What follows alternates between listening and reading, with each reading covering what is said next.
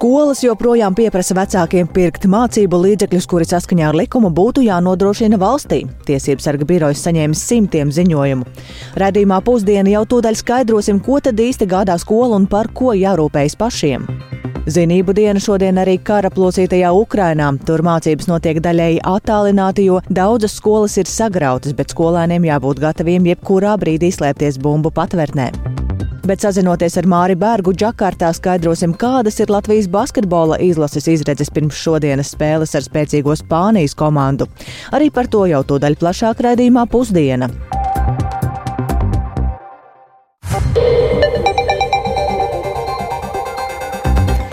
Piecas minūtes pāri 12. Esiet sveicināti 1. septembrī, zinību dienā, un par šīs dienas būtiskākajiem notikumiem plašāks izklāsts turpmākajās minūtēs ziņu raidījumā pusdiena studijā Dāca Pēkšēna.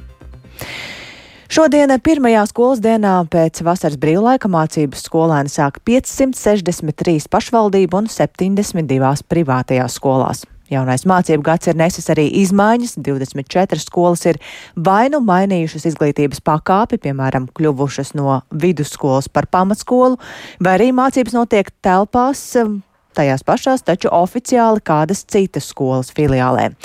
Realizējot skolu reformu, diemžēl deviņās Latvijas skolās zvans šajā mācību gadā vairs neskanēs. Un tajā pašā laikā Latvijā ir arī plaukstošas skolas, kuras par skolēnu trūkumu nesūdzas, un viena no tām ir Cernikavas pamatskola, kur jau pavisam drīz ir paredzēts arī attīstīt par vidusskolu.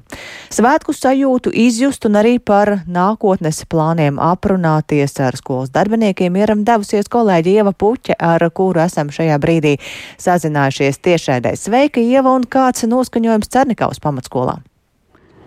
Jā, sveika, Dārts, sveiki, klausītāji!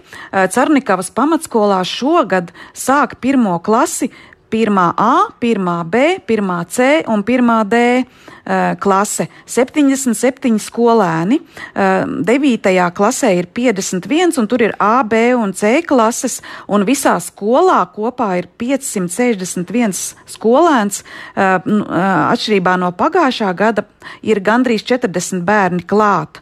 Un šāda augoša progresija, tas ir nu, tāds īstenībā veiksmes stāsts šobrīd Latvijā, un arī skola ir pirms dažiem gadiem renovēta. Eh, skaista, moderna, eh, bērni ļoti priecīgi. Uh, skolas direktors Raivis Pauls, uzstājoties ar savu 1. septembra uzrunu, paziņoja um, tādu vēsturisku vēsti, ka šī skola no nākošā mācību gada būs vidusskola. Šis ir pēdējais gads Cernikavas pamatskolai, kā pamatskolai. Uh, un mēs ar uh, direktoru tikko parunājām, viņš uh, domā, mm, nav sastapies ar līdzīgu precedentu atjaunotās neatkarības vēsturē, ka kādai skolai tiktu paaugstināts status. Un pat skatoties normatīvajos aktos, kā tālāk skolai iziet šo mm, Tas ir arī reorganizācijas process. Viņš visur atrod tikai par to, eh, nu, kāda ir procedūra, ja skola pāriet uz zemāku izglītības pakāpi. Un, un tātad tas viņam būs diezgan interesanti un, un izaicinoši. Um, kāpēc šī, šai skolai atļāva, atļāva kļūt par vidusskolu? Nu, kas pieņem šādus lēmumus? Uh, es vakar arī sazinājos ar um, Izglītības un zinātnes ministrijas uh, izglītības departamenta vadītāju Edīti Kanaviņu, un viņa teica, ka šo, šo tātad ministrija dod pozitīvu slēdzienu, ka tas atbilst visiem priekšnoteikumiem, un priekšnoteikumi ir arī tādi, ka citur novadā ir arī skolas ir pārpildītas. Ādažu vidusskola, kurā ir arī pamatskola, skolēnu skaits ir vienkārši grandios. Tātad Cernikava ir ādažu novadā, tagad pēc no, no, no, novada reformas. Tur ir 2192 skolēni, un vēl ir um, brīvā Valdorf skolas vidusskola, kurā ir 550 tajās kapacitāte ir izsmelta. Tātad nākošais solis Cernikavā veidot vidusskolu. Un paklausieties, ko skolas direktors Raivis Pauls saka par šiem izaicinājumiem.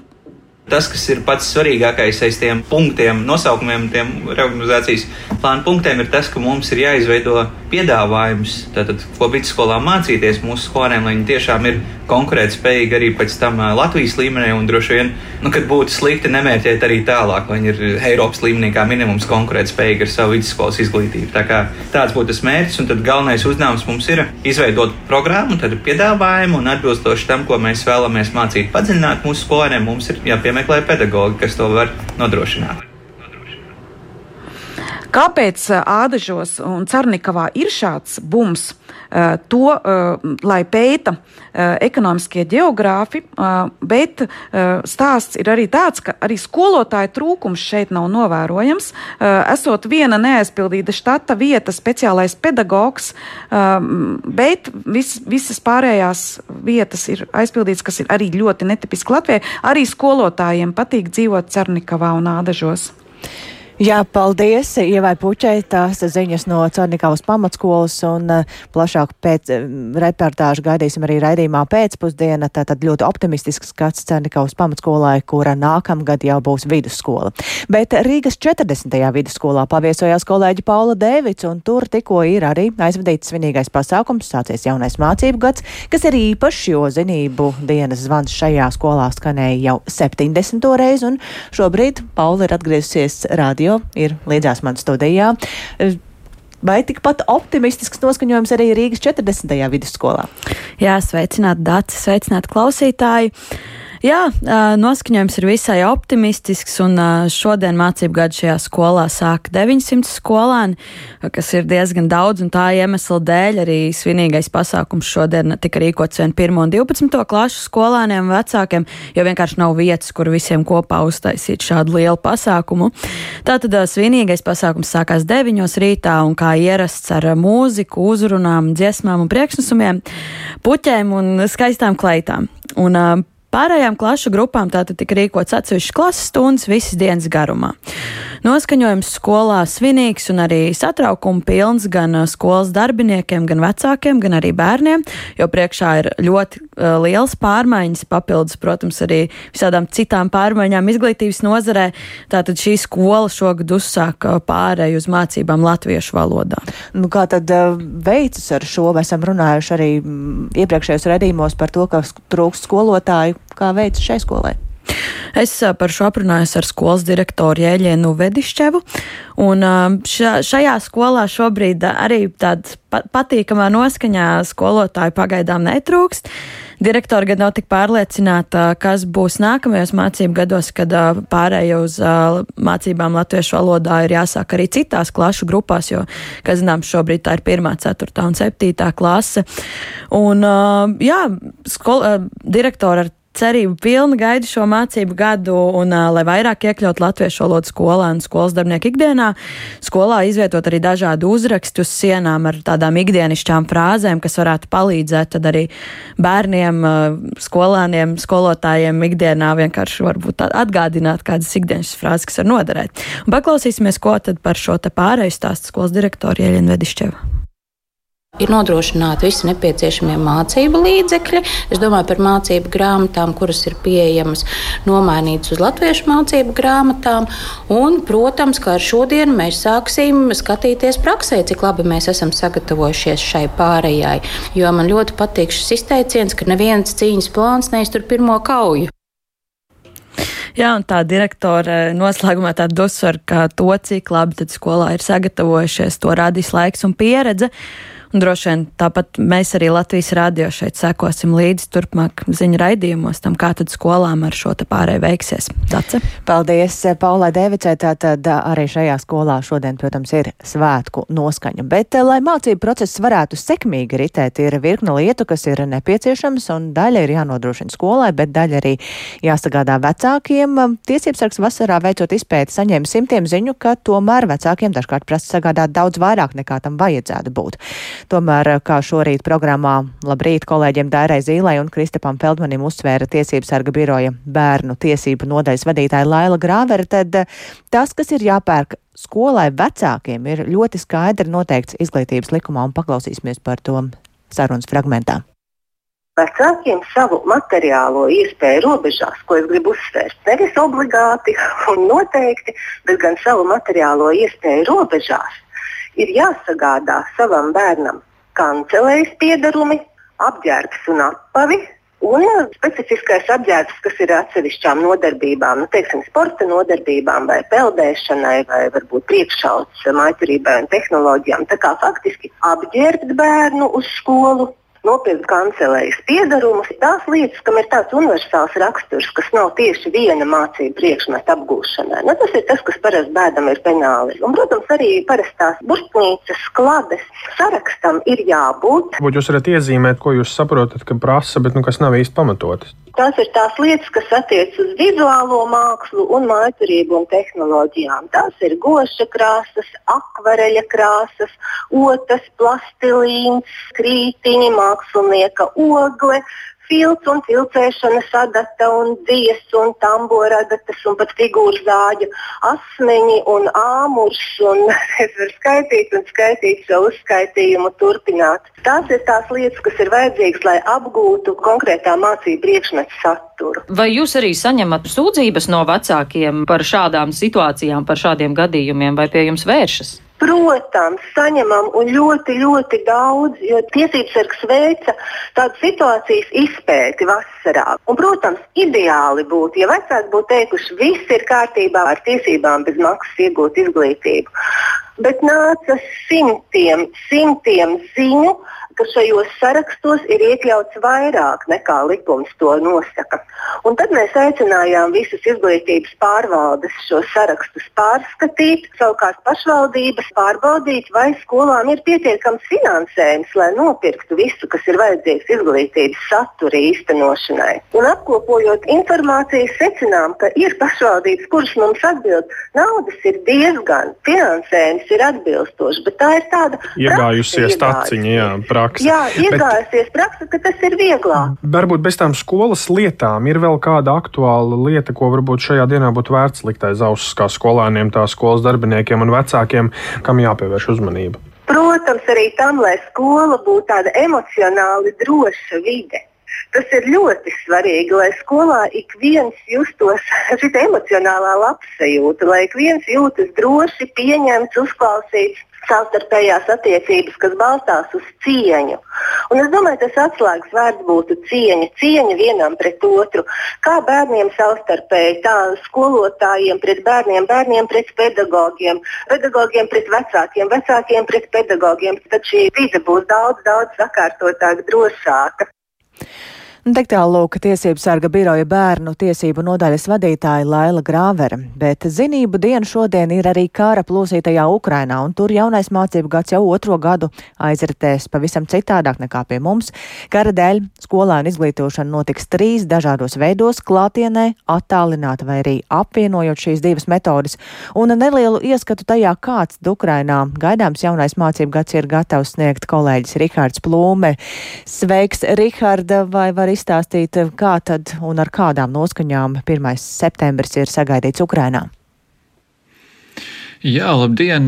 Nu, ir skaidrs, ka Ukrainā mācības jau otro gadu nenotiek, protams, tāpat kā citās vietās, kā pie mums, piemēram, kuras nav skāris karš, un skolas jau pērnā gada 24. februārī tika slēgtas, un daudzas no tām joprojām arī nav atsākušas darbību, un vēl ir arī skolas, kas vienkārši vairs nepastāv. Saskaņā ar ANO datiem, piemēram, vairāk nekā 3500 izglītības iestāžu Ukrainā ir vai nu bojātas, vai arī pavisam iznīcinātas. Un skolēniem ir bīstami doties uz skolu ne tikai vietās tuvāk frontei, piefrontē, bet arī skolās, kas nav tiešā frontes tūmā, un bīstami tas ir potenciālo Krievijas raķešu vai dronu triecienu dēļ uzlidojuma laikā vienkārši var pietrūkt laika, lai bērni paspētu tikt līdz patvērtnē vai pagrabam drošībā. Dace? Jā, drošības apstākļi tiešām Ukrainā ir dažādos apgabalos atšķirīgi. Tas droši vien arī ietekmē to, kā mācības vispār tiek organizētas. Jā, nu no šodienas skolā attālinātās mācībās atgriezīsies aptuveni pusmiljons ukrāņu bērnu. Tātad tiešsaistē mācīsies trešā daļa visu Ukraiņas skolēnu. Protams, ka attālināts mācības ir liels izaicinājums. Paši to varējām novērot arī pandēmijas laikā, bet no Ukrainā process kara dēļ, protams, ir vēl sarežģītāks, un apvienoto nāciju organizācijas bērnu fonda dati liecina, ka aptuveni puse Ukraiņas skolotāji arī uzskata, ka kopš pilna mēroga iebrukuma sākuma ir pasliktinājušās viņu skolēnu valodas, lasīšanas un matemātikas prasmes. Vēl viena trešdaļa bērnu pilnībā mācīsies klātienē, un tas notiks tur, kur ir izbūvētas bumbu patvērtnes. To skolēnu skaits, kas šogad mācīsies tiešsaistē, savukārt pieaugs par klātienē pieaugs par dažiem simtiem tūkstošu salīdzinot ar pagājušo gadu. Vēl viena trešdaļa mācīsies izmantojot hibrīda pieeju tā dēvēto, proti mācoties gan tiešsaistē, gan klātienē pārmaiņas. Un mācību process dažādos apgabalos tiešām atšķirsies atkarībā no drošības apstākļiem un vietējās apdzīvoto vietu varas iestādes pašas atkarībā no situācijas, tad lemj par to, kā nodrošināt mācību procesu, un, protams, mainoties situācijai, tas arī var mainīties.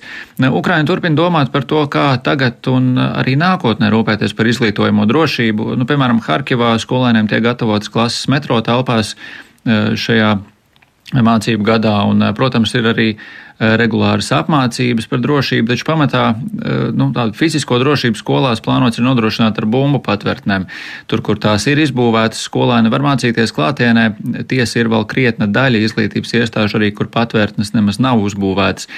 Ukrainas izglītības ministrs Oksens eh, Lisovijs medijiem norādījis, ka Ukrainas varas iestādes pirms jaunā mācību gada ar bumbu patvērtnēm ir aprīkojušas 67% izglītības iestāžu, no kurām 75% ir skolas. Un, lai to paveiktu, valsts šim mērķim arī atvēlēja pusotru miljardu grivnu, jau aptuveni 40 miljonus dolāru. Tiesa ar šo naudu gan nesot pieticis, lai skolas, bērnu dārza, arotskolas, arī augstskolas varētu aprīkot ar patvērtnēm, tādēļ arī liels ieguldījums īstenoja vietējās varas iestādes. Ministrs arī piebilda, ka izglītības iestādēs vēl priekšā ir aptuveni 7000 bumbu patvērtņu izbūve, un no šī skaita aptuveni 2000 būtu jābūvē teritorijās, kur būvdarbi nemaz netiks uzsākti, vismaz pagaidām, un tas vienkārši ir tādēļ, ka šīs izglītības iestādes atrodas līdz 50 km attālumā no frontes, klātienes mācības tur ir pārāk bīstamas, un tādēļ izglītojamie klasēs nemācīsies. Dāce. Paldies Rihardam Plumam, tas lūk par mācību procesu Ukrainā. Un, ja mēs runājam par to, ka mācību gads šodien tikai sākas, tad kādam citam procesam šodien vajadzētu noslēgties vai vismaz rasties skaidrām apresēm par tālāku. Un ir runa par valdības veidošanas sarunām, jo šodien beidzot ir jābūt skaidrībai par nākamās valdības modeli. Apvienotais saraksts pirms brīža ir paziņojis, ka neiesaistīsies jaunajā valdībā un turpmāk darbosies opozīcijā.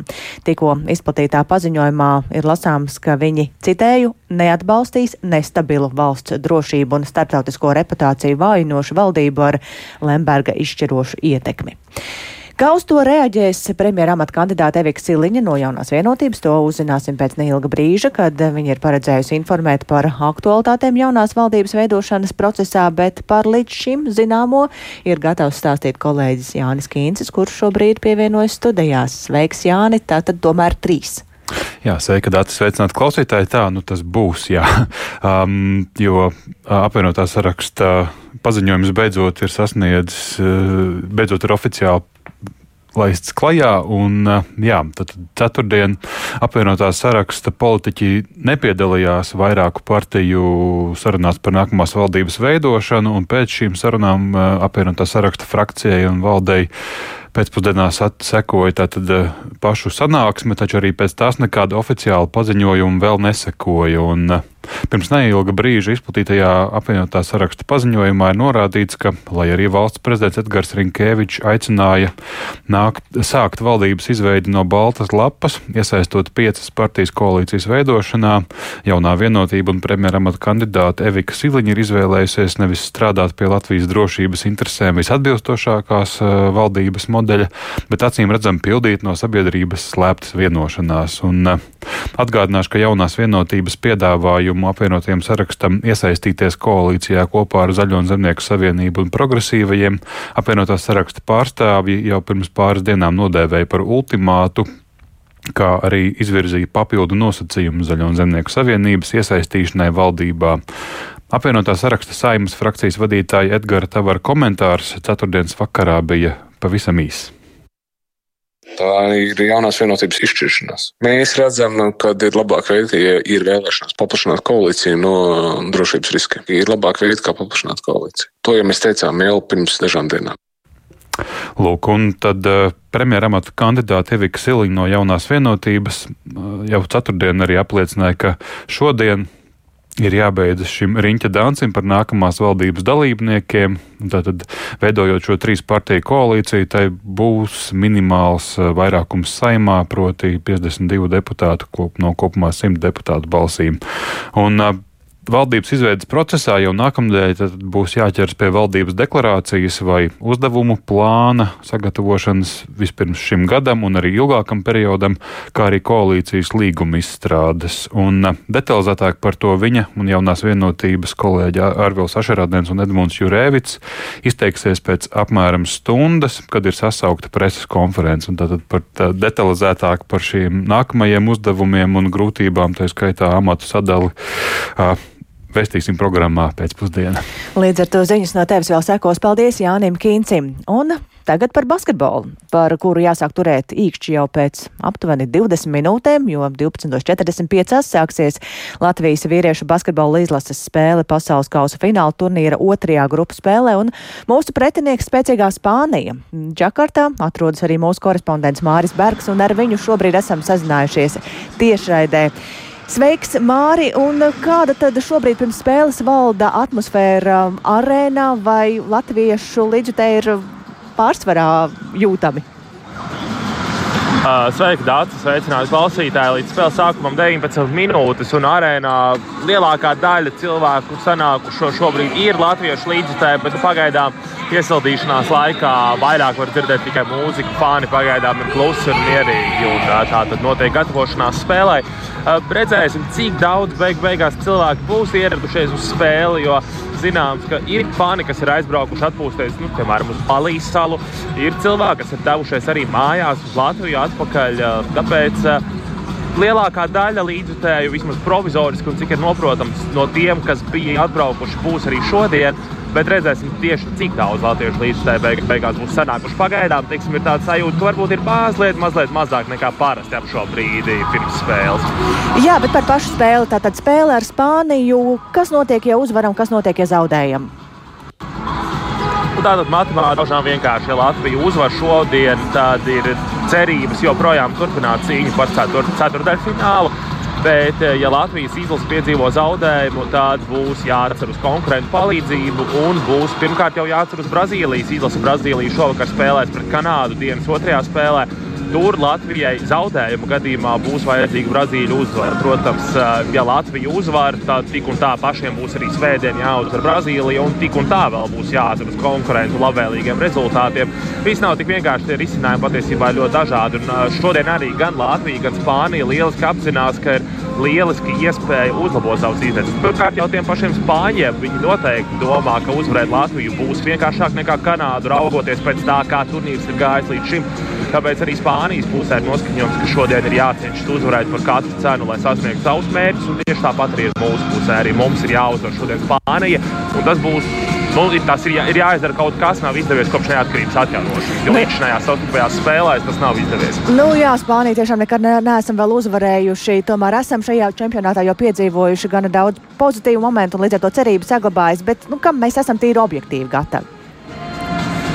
Es domāju, mēs esam objektīvi gatavi tiešām arī cīnīties par uzvaru. Šī Spānijas izlase varbūt nav tik zvaigžņota, kā mēs esam pieraduši to redzēt iepriekšējos turnīros, bet eh, tā tik un tā ir ļoti meistarīga komanda. No otras puses, arī Latvijas izlase ir pierādījusi, ka šajā turnīrā tā ir spējīga cīnīties ar jebkuru komandu.